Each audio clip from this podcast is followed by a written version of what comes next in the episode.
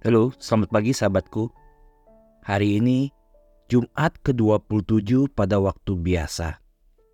Yesus berkata kepada orang Yahudi, "Setiap kerajaan yang terpecah-pecah pasti binasa dan setiap rumah tangga yang terpecah-pecah pasti runtuh. Jika iblis juga berbagi-bagi dan melawan dirinya sendiri, bagaimana mungkin kerajaan dapat bertahan?" Tetapi jika aku mengusir setan dengan kuasa Allah, maka sesungguhnya kerajaan Allah sudah datang kepadamu. Apabila seorang yang kuat dan bersenjata lengkap penjaga rumahnya, amanlah segala miliknya.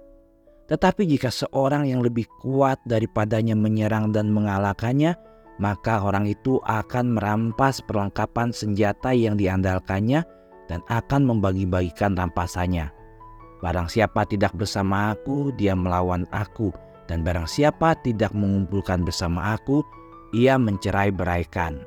Sahabat, Lucifer yang berarti bintang pagi adalah salah satu malaikat tinggi dalam kemuliaan hikmat dan kuasa.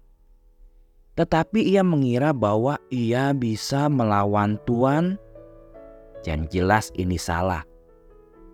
Kemudian dia memutuskan untuk melawan anak-anak Tuhan. Seorang malaikat yang kuat melawan manusia adalah pertempuran yang sangat tidak adil, sahabat. Ia mengira dirinya seperti laki kuat yang dengan senjata yang lengkap. Tetapi jika iblis mengira bahwa ia bisa mengalahkan manusia, ia salah lagi.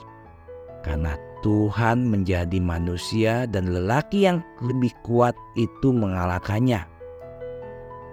Ada sebuah cerita mengenai beberapa semut yang sedang mengadakan pesta di atas kulit gajah ketika gajah itu sedang tidur. Tiba-tiba gajah itu bangun dan dengan sekali guncangan mengusir semut-semut tersebut. Kecuali satu satu semut itu mendapati dirinya tergantung pada satu helai rambut di bawah mulut gajah. Dari tanah, semut-semut lain mulai memanggilnya, "Ayo, jangan menyerah. Hampir menjadi milikmu. Kalahkanlah dengan tanganmu." Sahabat, setan memiliki peluang yang lebih kecil untuk mengalahkan Tuhan daripada semut itu untuk menjepit gajah. Jika kita bersatu dengan Kristus, kita akan aman. Dan oleh karena itu, musuh selalu akan mencoba memisahkan kita darinya. Tahukah, musuh berpikir bahwa ia dapat mengalahkan kita dan menang.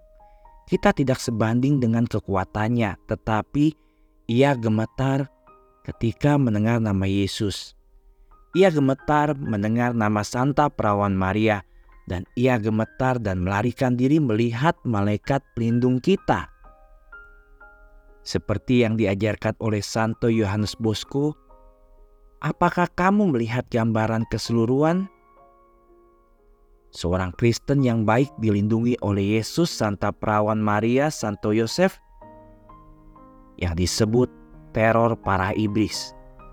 Santo Mikael malaikat pelindungmu, ini jelas pertempuran yang tidak sebanding. Musuh tidak memiliki peluang. Maria Ratu Malaikat, biarkan aku senantiasa dilindungi olehmu. Bunda Maria, harapan kita dan tata kebijaksanaan, doakanlah kami.